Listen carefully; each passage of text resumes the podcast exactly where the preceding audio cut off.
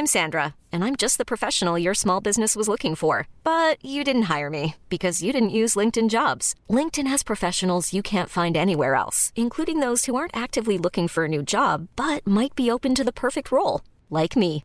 In a given month, over 70% of LinkedIn users don't visit other leading job sites. So if you're not looking on LinkedIn, you'll miss out on great candidates like Sandra. Start hiring professionals like a professional. Post your free job on linkedin.com/achieve slash achieve today.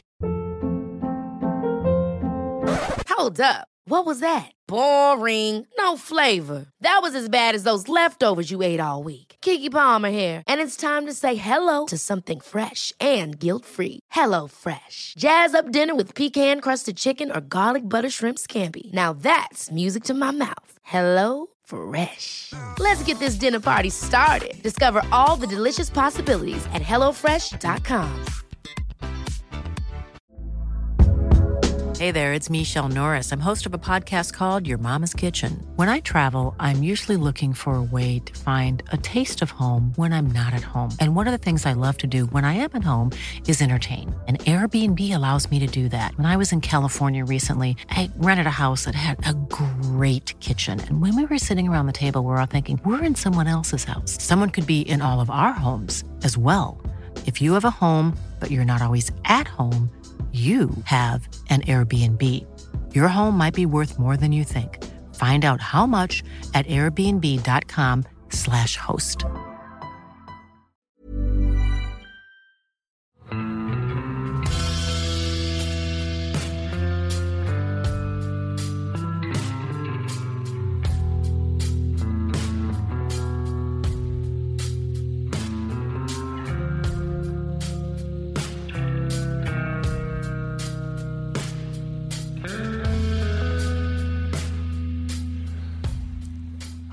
Og velkommen til podkasten Uteliv. Mitt navn er Randulf Valle, og i dag står jeg i eh, Rogaland, litt eh, utafor Sandnes. Og episoden i dag skal handle om noe som jeg påstår at i visse henseende er Norges viktigste lakseelv. Og den har de fleste av dere aldri hørt om. Den heter Imsa. Og med meg i dag så har jeg Kjetil Hindar. Du kan jo fortelle litt hvem du er, og så kan du fortelle litt mer om elva. Og avlegge din dom på min påstand om at den kan kalles Norges viktigste. Ja. Eh, Kjetil Hindar, ja. Jeg er seniorforsker i NINA, Norsk institutt for naturforskning. Som representerer eh, med 100 års eh, forskningstradisjon på laks i Norge. Jeg jobber i Trondheim, og jeg har vært forskningssjef for akvatisk avdeling der i ti år. Inntil for to år siden, da jeg ble seniorforsker igjen. Jeg har jobba i NINA og fiskeforskningen i Direktoratet for naturforvaltning fra 1987 til i dag. Jeg syns det var fryktelig gøy å, å, bli invitert til å snakke om verdens, eller Norges, viktigste lakseelv. Eh, Imsa det er en elv med en beskjeden laksebestand. Men eh, da forrige generasjon fiskeforskere på 60-tallet lette land og strand rundt for å finne et vassdrag hvor de kunne bestemme hva som skjer, for å lære mer om laks og sjøørret, så falt valget på Imsa i Rogaland. Og her var det ett gårds- og bruksnummer som hadde nederste kilometeren av vassdraget og litt ut i sjøen. Og det eksproprierte Stortinget til forskning i 1973. Mm, så her har vi altså en forskningshistorie på ja, omkring 45 år. Og nede den elva her er omtrent et par kilometer lang, kanskje? Ja, opp til nederste innsjø så er det omtrent en kilometer. Og hvis vi sier at den er eh, ti meter brei i snitt, da, så er det 10 000 kvadratmeter med produktivt eh, lakseareal. Og fra 1975 så ble det nær utløp i sjøen bygd en såkalt toveis fiskefelle. Så der fanger vi på nedvandring all laksesmolt, sjøørretsmolt, eh, setter på dem et merke. Og vi, hvis det er et ytre merke, da, et såkalt kalinmerke. som hvis andre fiskere fanger fisken, så får vi beskjed om det. De sender inn merke og hvor og når de tok fisken og hvor stor den var. Og hvis fisken kommer tilbake til Ims og til fiskefella, så går de opp i en laksetrapp hvor vi kan sjekke om det er en merka fisk vi får, eller om det er en annen fisk som har rota seg opp i elva her. Så det er jo ganske sånn spesielt at du har full kontroll på hvor mange smolt som vandrer ut. Og du har også full kontroll på hvor mange laks som vender tilbake.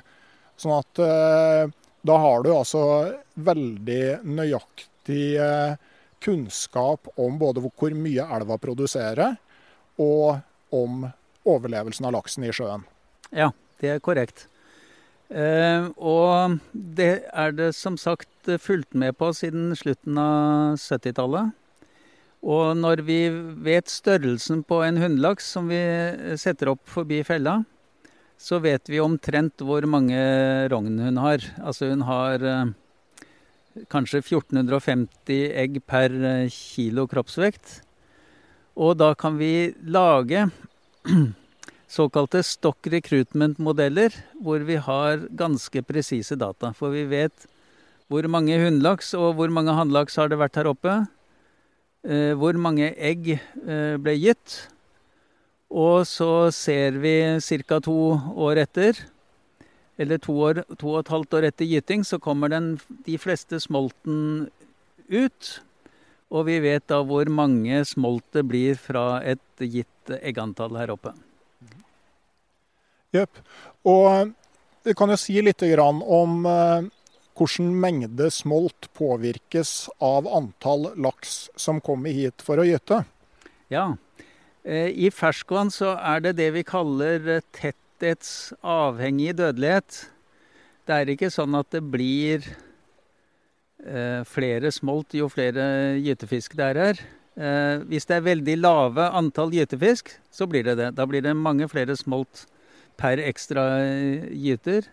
Men på veldig store gytebestander så blir det ikke eh, flere smolt. Og det er fordi at det er kamp om mat og plass i eh, elva her. Så det er sannsynligvis antall oppvekstplasser for uh, halvstore lakseunger som bestemmer omtrent hvor, hvor, mange lakseunger som kan produseres her. Og i Imsa så har mine kolleger laget en meget god stock recruitment-kurve ved at de har noen år manipulert laksebestanden, sånn at de vet hva som skjer hvis vi femdobler gytebestanden. Da ble det bare ørlite flere smolt.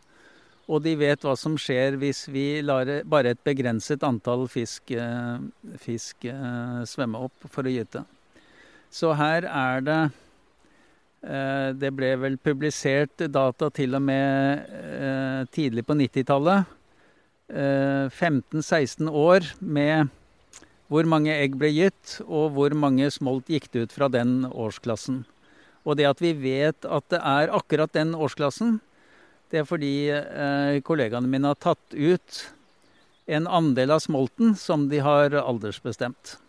Og her er de fleste smoltene eh, to år gamle. Det hender at det er ett år gamle smolt, og det er, hender at det er noen tre år gamle, men det store flertallet er to år. Så det det her betyr, da, er jo at man Eh, på en måte finner det som, eh, som kalles et gytebestandsmål. Altså at du finner et antall egg eller et antall kilo hunnlaks som skal til for å utnytte gyte- og oppvekstplasser for, eh, for lakseunger fullt ut. Ja. Eh, og her i eh, Imsa så er det vel et eller annet sted mellom seks og ti egg per kvadratmeter, så fullrekrutterer man elva her.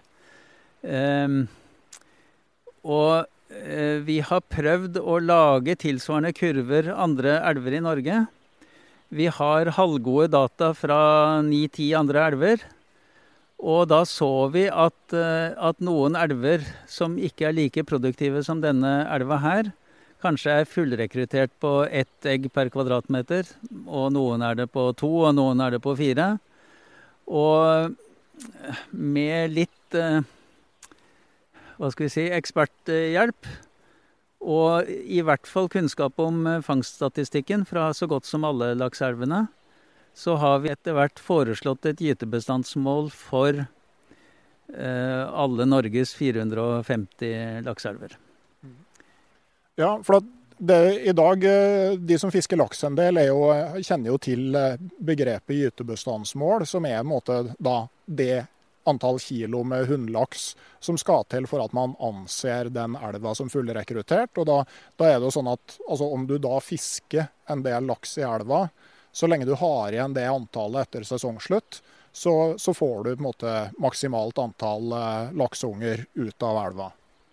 Ja, det tror vi er en god forklaring på det. Og noe som jeg syns er veldig hyggelig å se, det er jo at de som Eh, prøver å følge med på måloppnåelsen. Altså Nina er sentral i forhold til å sette gytebestandsmål for eh, en laksebestand. Eh, og så er det et utvalg som heter Vitenskapelig råd for lakseforvaltning. Som prøver å beregne ut fra fangst og tellinger av fisk som står igjen etter gyting. Prøver å beregne hvor mange fisk var det faktisk som gytte. Altså eh, hvor nær eh, en måloppnåelse var man i forhold til gytebestandsmålet.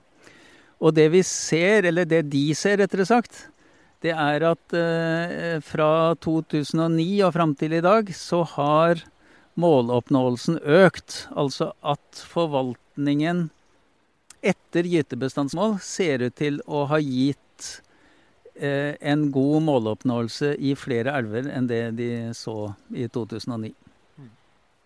Ja.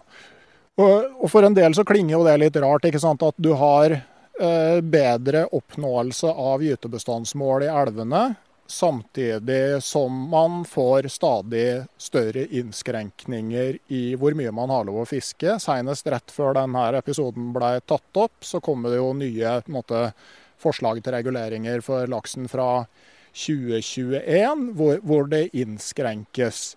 Men det har jo å gjøre med en annen ting som den fiskefella her kan fortelle oss. Altså det med laksens overlevelse i sjøen. Ja.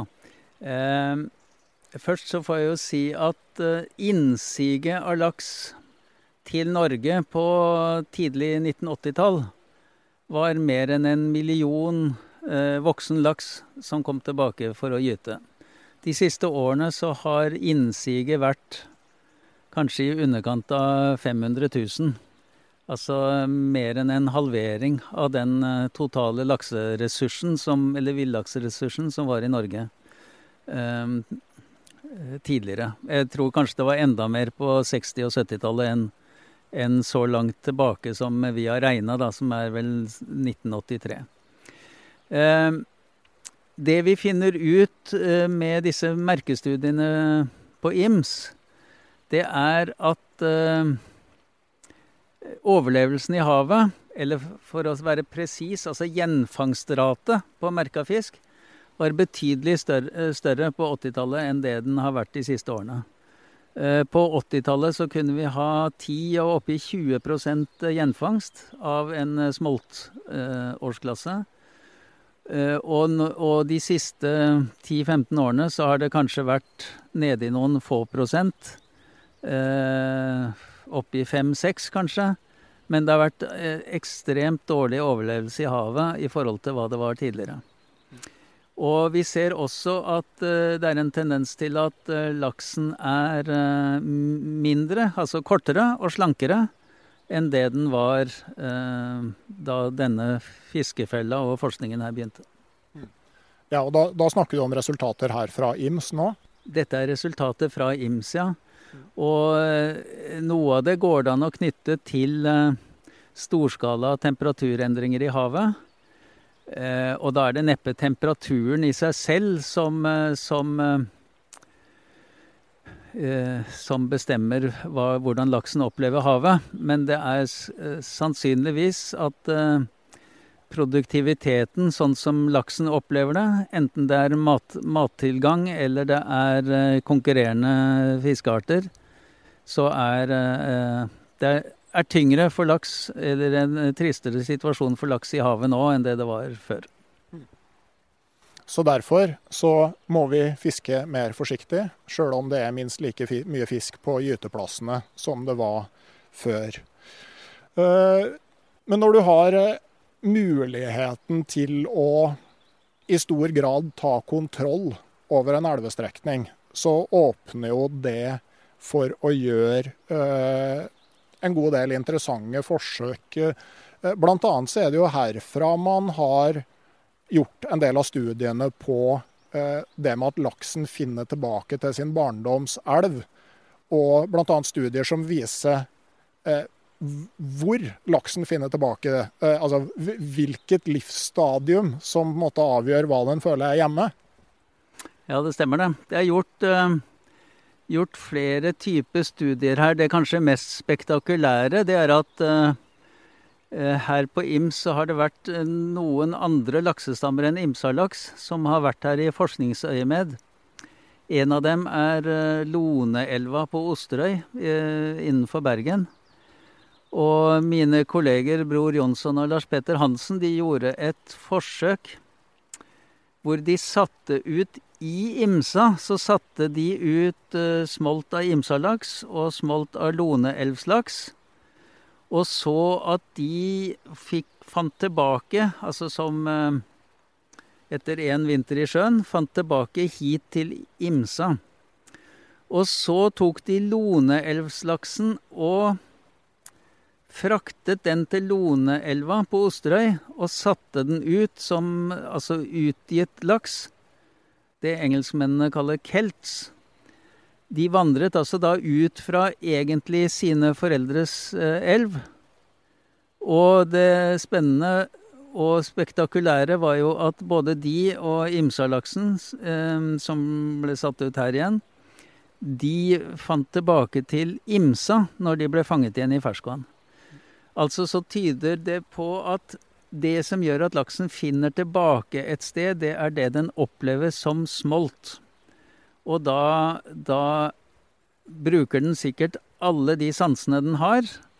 Og det kan være um, lukt i finorientering, det kan sikkert være eh, kanskje terrengforhold, magnetisme, himmellegemer osv.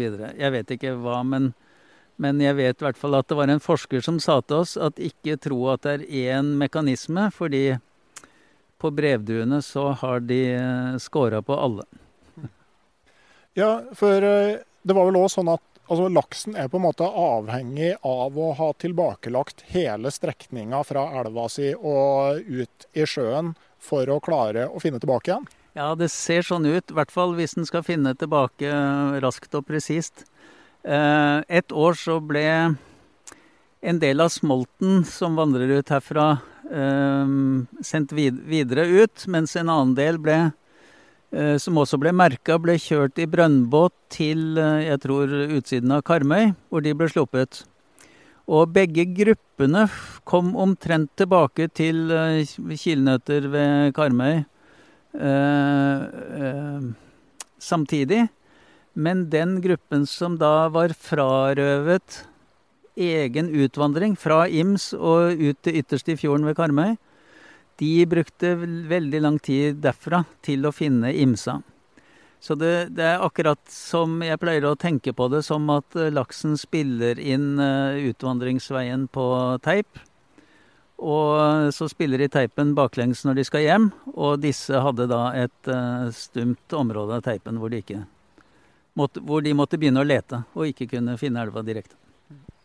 Så når man nå i noen år har tatt en del av smolten fra Vosso og slept ut fjorden for å unngå de mest lusetette områdene rundt oppdrettsanlegg, er det på en måte en direkte konsekvens av det forsøket her? At man vet at man kan ikke bare ta dem på en lastebil og kjøre dem forbi, man må la dem få hele ruta?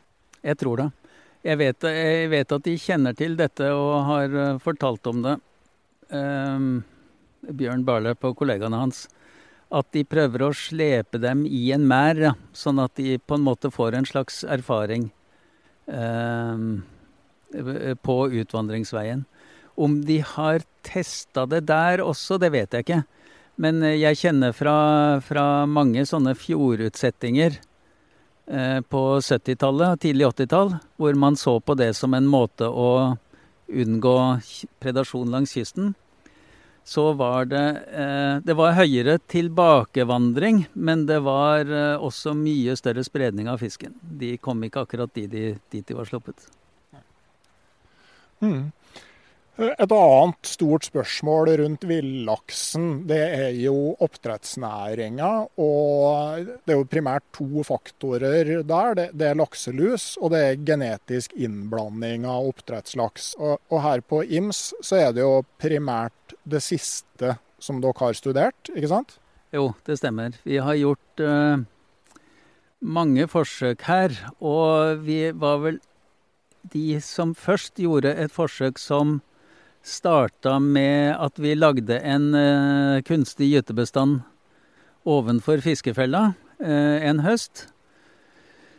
Høsten 1993. Da var, ble det sluppet 22 oppdrettslaks og 17 ymsalaks i elva her. Uh, og de var genetisk skrinet på forhånd, sånn at vi visste om ett eller to gener hvor hvor de eh, var sånn at vi kunne kjenne igjen den ene gruppen, den andre gruppen og krysninger mellom dem. Og da fulgte vi rett og slett hva som skjedde fra disse fiskene gytte, eh, til avkommet deres eh, da hadde vært i elva ett og to år, og så gikk ut som smolt. Og så til smolten vi tok da biopsier av eh, annenhver smolt eh, for å kunne bestemme hvilken gruppe de kom fra.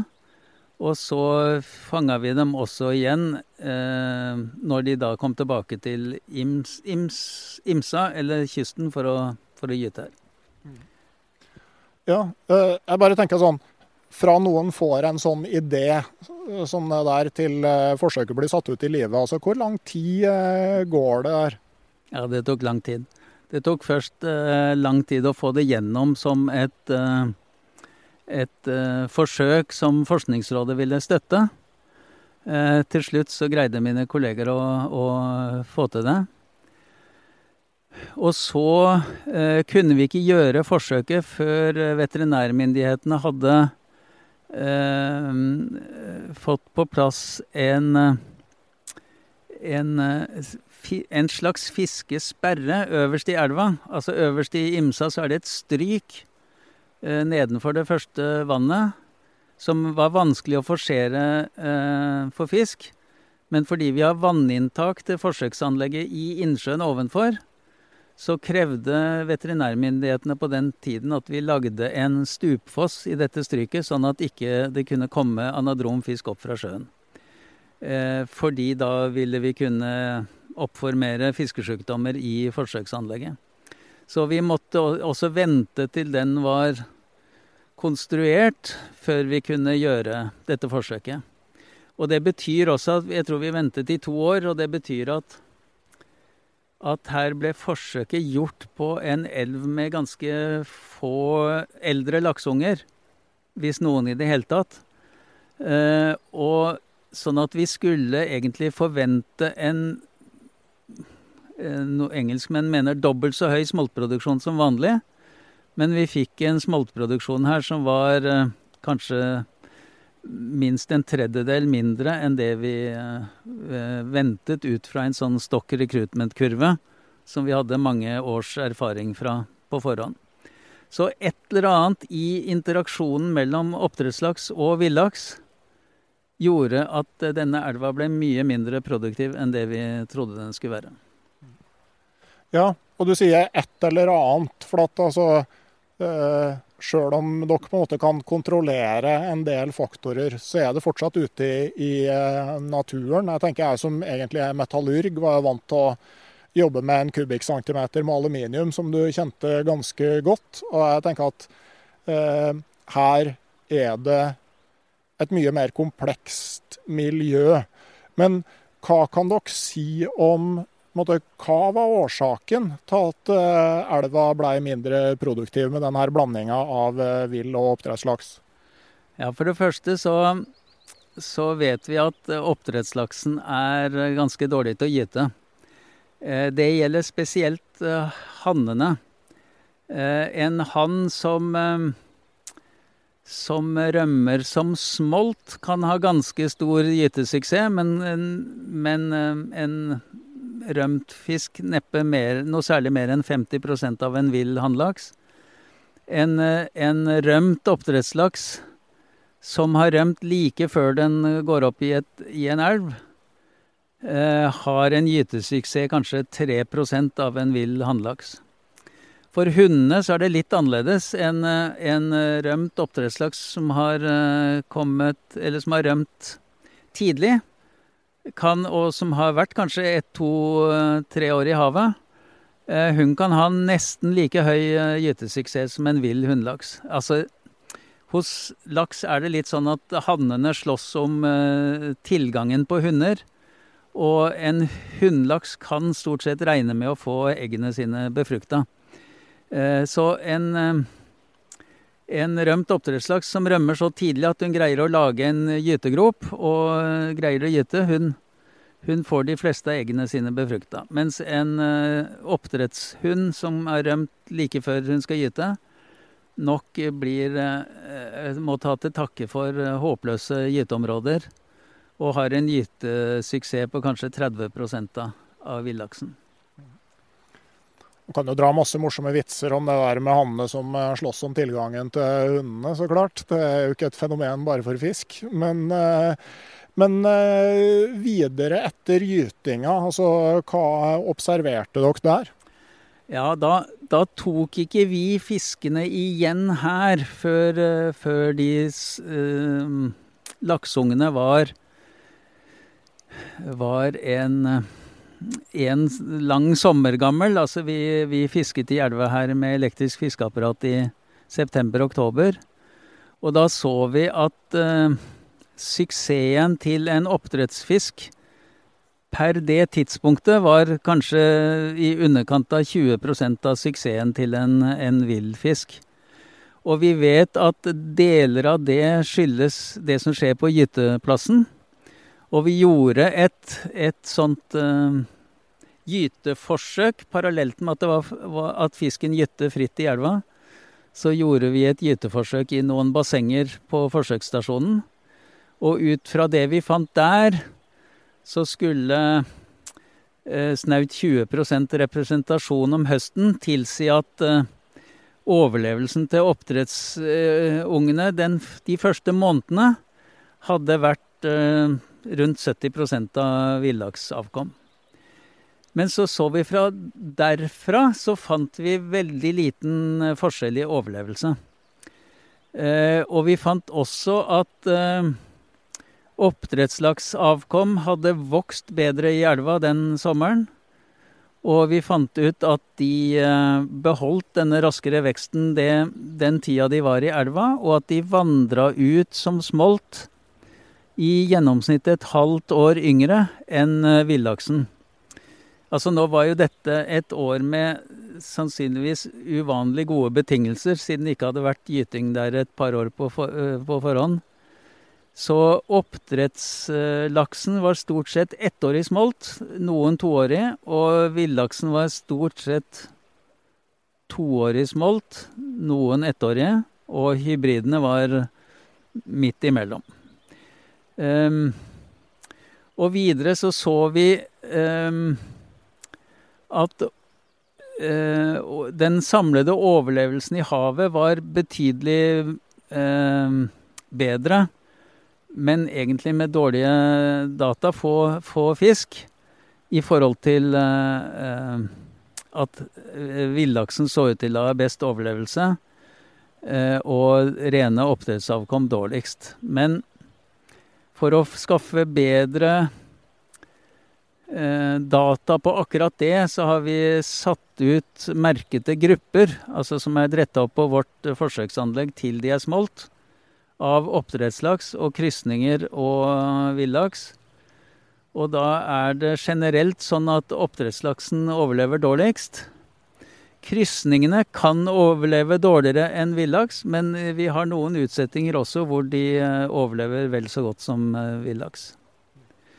Og så har vi noe rart i forhold til hvor presist de vandrer hjem, og det er at det er mor som ser ut til å være viktigst i forhold til hvor presist de vandrer hjem. Altså rene oppdrettslaks satt ut som smolt her fra Ims har uh, kjempestor feilvandring kanskje 60-70 eh, Villaksen har 10-14-15, et eller annet sånt. Eh, krysningene har veldig høy hvis de har oppdrettsmor, og så har de lav hvis de har villmor. Ja. Men øh, øh, dere har òg, i tillegg til elva her, så øh, har dere noen kunstige bekkeløp som, kan, eh, som det kan has vann i, hvis man eh, ønsker det. Eh, hva bruker dere dem til?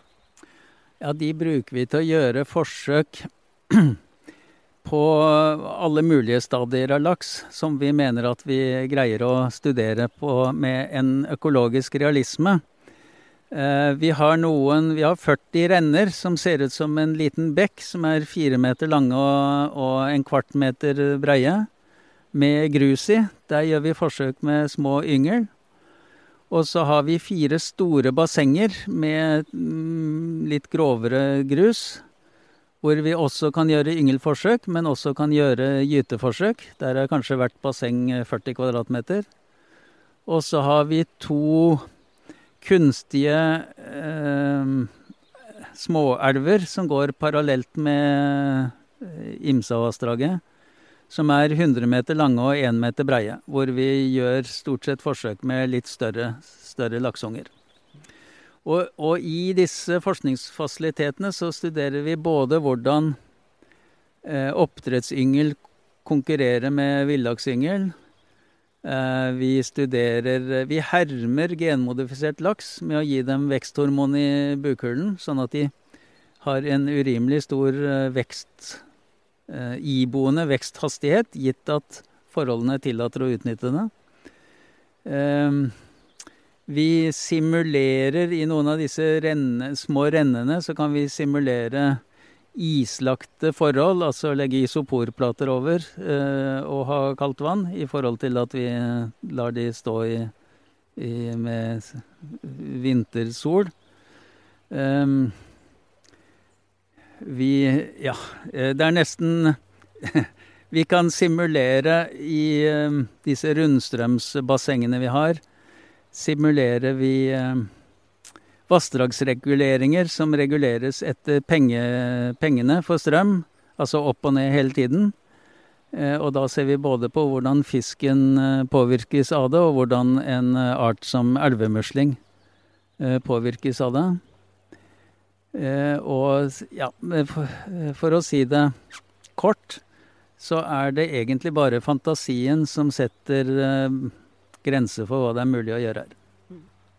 I tillegg til veterinærmyndighetene? Ja, i tillegg til veterinærmyndighetene. Så, så nå eh, Nå kan vi ikke gjøre forsøk med oppdrettslaks eh, her vi står nå, midt i elva f.eks. Eh, men det kan godt hende vi får lyst til å søke om det en gang, og prøve å, å gjøre om igjen det forsøket vi starta i 1993. Da. Mm. Det kunne være spennende å se hva slags resultater vi får med 15. generasjons eh, oppdrettslaks mot uh, vill imsalaks. Uh, da det forrige eksperimentet vi gjorde, var ca. 7. generasjons uh, oppdrettslaks.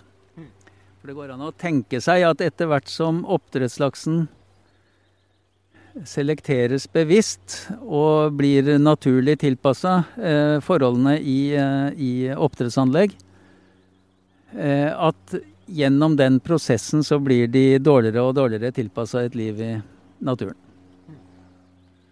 Yep. Eh, hva du tenker er det viktigste dere har funnet ut om laksen i de fasilitetene her? Oi. Um, ja, jeg vil si at det er kanskje det aller viktigste er den uh, gode stock recruitment-relasjonen uh, som Bror og Nina Jonsson og Lars Petter Hansen etablerte her. Um, for de viste både at det var tetthetsavhengig uh, dødelighet, eller overlevelse, her i elva, mens det var tetthetsuavhengig overlevelse i havet. Altså jo mer smolt som eh, vandrer ut, jo flere kommer det tilbake. Det er med stor spredning, men det er ikke sånn at, eh, at eh, det er noe begrensning, på en måte. Altså laksens overlevelse i havet har ikke noen sånn tetthetsregulerende mekanisme. Det kunne kanskje hatt det hvis det var type stillehavslakstettheter. Men med tettheten av atlantisk laks i havet, så, så er det tetthets uh, uavhengig overlevelse. Og det har uh, en direkte konsekvens at når lakseoppdrettet, eller der hvor lakseoppdrettet er så tett at det er urimelig høyt lusepress på laksesmolt som vandrer ut i havet, så har den ekstra dødeligheten som de da får av lakselus, Eh, den, den, blir på en måte ikke kompensert ved at eh, er, de dør i mindre grad av andre årsaker. Det kommer rett og slett eh, færre laks tilbake. Jepp. Men det her er jo ei levende elv som ikke bare inneholder laks. Altså det, det, forskes jo på andre arter her. Blant annet så fikk jeg være med å se på ei ålefelle i dag. For uh, ålen den uh, går jo ikke opp i laksetrappa som de andre. Den kravler opp gjennom et høl i betongen og opp en planke med litt dørmatte på, og ramler ned i ei bøtte. Eh, snodig art, men, men, hva vet dere på en måte om ålebestanden her i Imsa? Ja, vi vet at den er betydelig mindre nå enn den var før. Da vi begynte her, så fikk vi kanskje mer enn 40 000 ålyngel i fella. Eh, hvert år, altså ålyngel på vei opp. Eh, de siste årene så har vi vært nede i noen hundre til noen tusen ålyngel. Eh, noe vi i hvert fall har lært her, som Ja, og da, da må jeg si også at nedgangen i ålebestanden den har vært eh, over hele Europa. Eh, og akkurat hvilke årsaker det er, det tror jeg ikke man er helt enig eller vet sikkert. Men en av faktorene er i hvert fall en parasitt som hører til japansk ål, som etter at den kom til Europa har dukket opp i mange ålebestander også, også her. Um, og det, man regner med at mye ekstra dødelighet er knyttet til den parasitten. Men noe vi har lært, da, det er at selv etter at antallet åleyngel gikk ned, så har eh, utvandrende ål eh, om høsten det har vært ganske stabilt høyt eh, i mange, mange år etter at eh, åleyngel-antallet gikk ned. Sånn at um, ålen er sannsynligvis, eller ganske sikkert, mange, mange flere år i uh, ferskvann. Her er det flere innsjøer oppover i vassdraget. De er mange, mange flere år i ferskvann enn det vi trodde da uh, åleforskningen begynte her.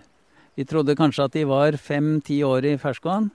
Nå tror vi at de er 20-30 år, kanskje mer, før de vandrer ut igjen og skal til Sargassohavet for å gyte.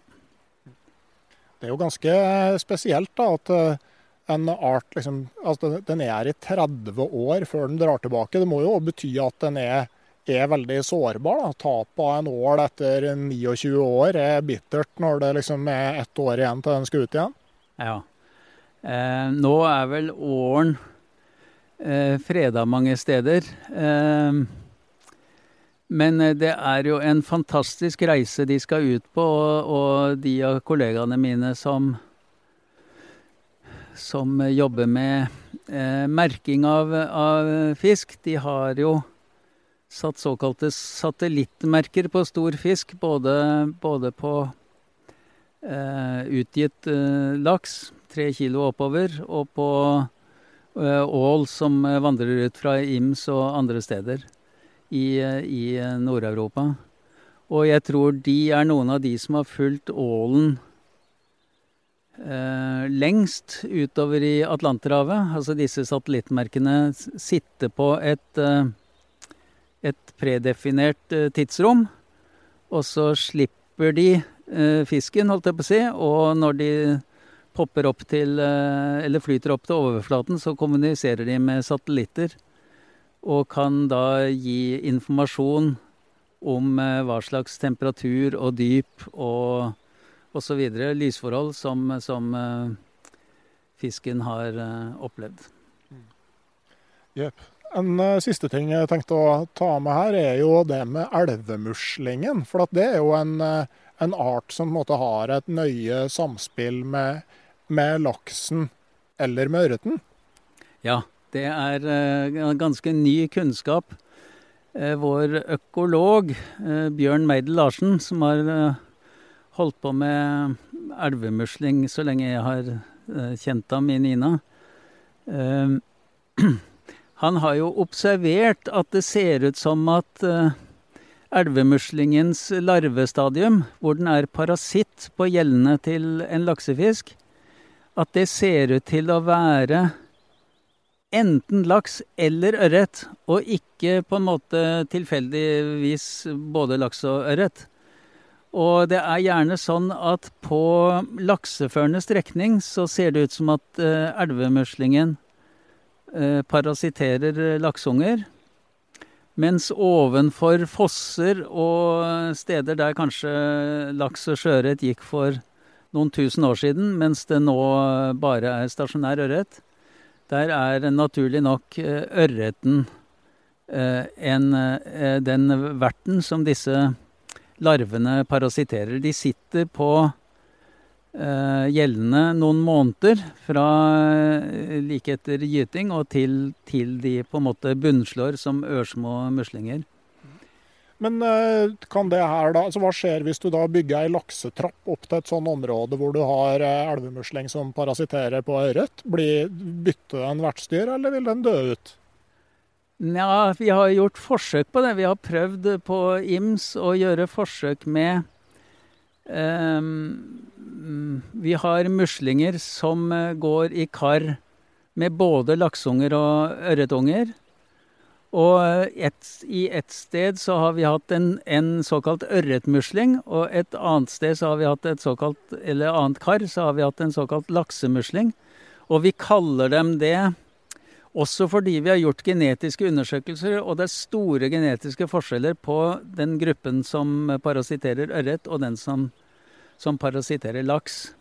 Men når vi gjorde dette forsøket, da, så lurte vi på er dette noe som på en måte At disse larvene eh, velger eh, det, den verten som de egentlig Som bestanden kommer fra.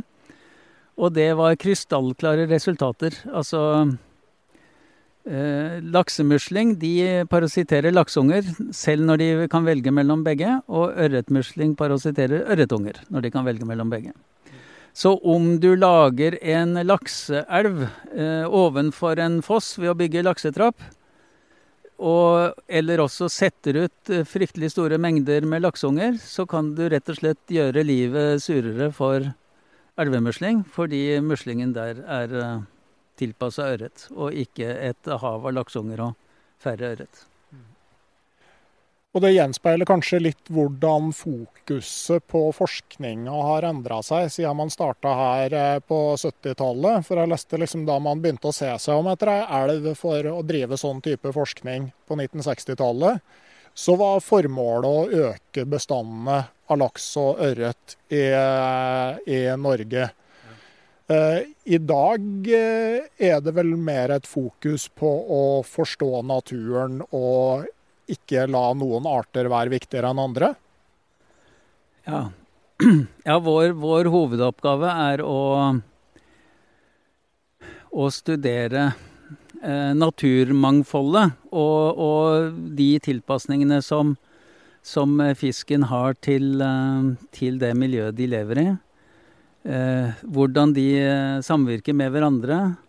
Og hvordan eh, alle de tingene vi mennesker finner på, eh, holdt på å si enten det er sur nedbør eller det er vassdragsregulering, eller det er rømt oppdrettslaks, lakselus, eller om det er en introdusert parasitt, gyrodactylus, så skaffer vi kunnskap om dette, slik at forvaltningen kan gjøre Eh, kan gjøre de rette valgene. Så nå er hovedfokuset er på en måte å skaffe kunnskap for å bevare mangfoldet av laksestammer og laksefisk og det næringsgrunnlaget deres. Og så er det på en måte nå et slags eh, eh sekundært mål om å hjelpe til å å øke avkastningen av laks og ørret. Mens da denne, dette anlegget ble etablert, så var det hovedfokus. Jepp. Tidene forandrer seg. Eh, tusen takk for at du eh, ville være med her fra Imsa, Kjetil Hindar. Eh, jeg tror vi runda der. Har, fått, eh, har folk fått eh, masse informasjon om eh, om eh, laks og laksevassdrag og eh, tygge på. Er det noe du har lyst til å si helt til slutt? Det må jo være å gripe fatt i det du begynte med. At eh, nå står vi faktisk med en av de viktigste lakseelvene som eh, vi har. Rett og slett fordi denne ganske lille lakseelva er brukt til å framskaffe så mye nyttig kunnskap om laks. Og så er det jo ei fantastisk vakker lita elv òg. Ja, det er det. Her henger jo eh, store trær utover elva. Så en fluefisker hadde blitt eh, sur her hvis han ikke var fryktelig god på rare kast. Men eh, det at det er såpass mye kratt og trær langs elva, er helt sikkert viktig for å gjøre dette til en av Norges mest produktive lakseelver per arealenhet. Det er jeg ganske sikker på. Og sånn for ordens skyld så må vi jo nevne at det er fullstendig fiskeforbud i Ymsa. Så eh, det, det, er ikke et sted man drar for å vifte med fluestanga, uansett hvor mange spesialkast man eh, kan. Det er helt korrekt. Så her er både 1 km elv og 300 meter, tror jeg, utenfor elveosen er, eh, er forbudssone i forhold til fiske. Og det er jo um, som vi ikke har snakket så mye om, det er jo et fantastisk eh, laboratorium for å studere klimaendringer. Vi har helt definert, eh, et helt definert areal. Vi måler temperaturen hver eneste dag, og vi greier å følge både laks og ørret og ser eh, hva som skjer med dem når temperaturen endres her, og sannsynligvis også endres ute i havet. Jepp. Det tror jeg er stoff for en hel episode til. Eh, da eh, har vi kommet til veis ende den gangen her. Ikke noe laks i elva her enda. Seinvandrende bestand, så det kommer vel etter hvert. Eh, jeg sier òg takk for denne gang. Og som dere vet, så kommer det da en ny episode av podkasten Uteliv om ei uke. Ha det bra.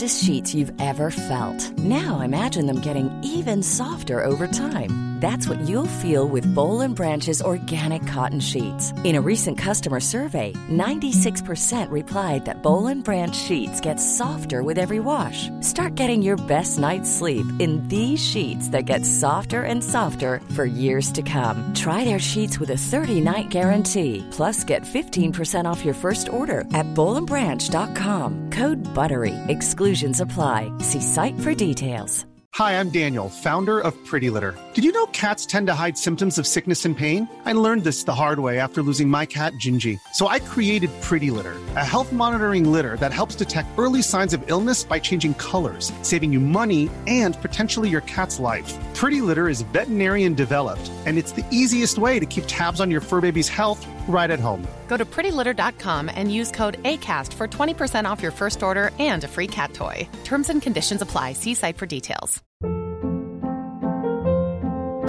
Hold up. What was that? Boring. No flavor. That was as bad as those leftovers you ate all week. Kiki Palmer here, and it's time to say hello to something fresh and guilt-free. Hello Fresh. Jazz up dinner with pecan-crusted chicken or garlic butter shrimp scampi. Now that's music to my mouth. Hello Fresh. Let's get this dinner party started. Discover all the delicious possibilities at hellofresh.com.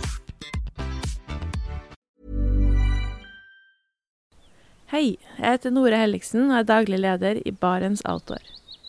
Det beste vi kan gjøre for planeten, er å redusere forbruket vårt og få mer ut av det utstyret vi allerede har. Men vi vet av erfaring at bruken av telt kan endre seg over tid. Det teltet du kjøpte for to år siden, passer kanskje ikke det behovet du har i dag. Derfor har vi i Barents etablert en egen panteordning der vi tar imot brukte telt av god kvalitet i innbytte når du kjøper et nytt av oss. Prosessen er enkel. På barentsoutdoor.no gir det oss informasjon om teltet du vil bytte inn. Basert på det får du et tilbud fra oss som gir deg rabatt på ditt neste Barentsprodukt. Mer info og betingelser finner du på barentsoutdoor.no. Og husk at den første reparasjonen på produkter fra Barents er alltid gratis.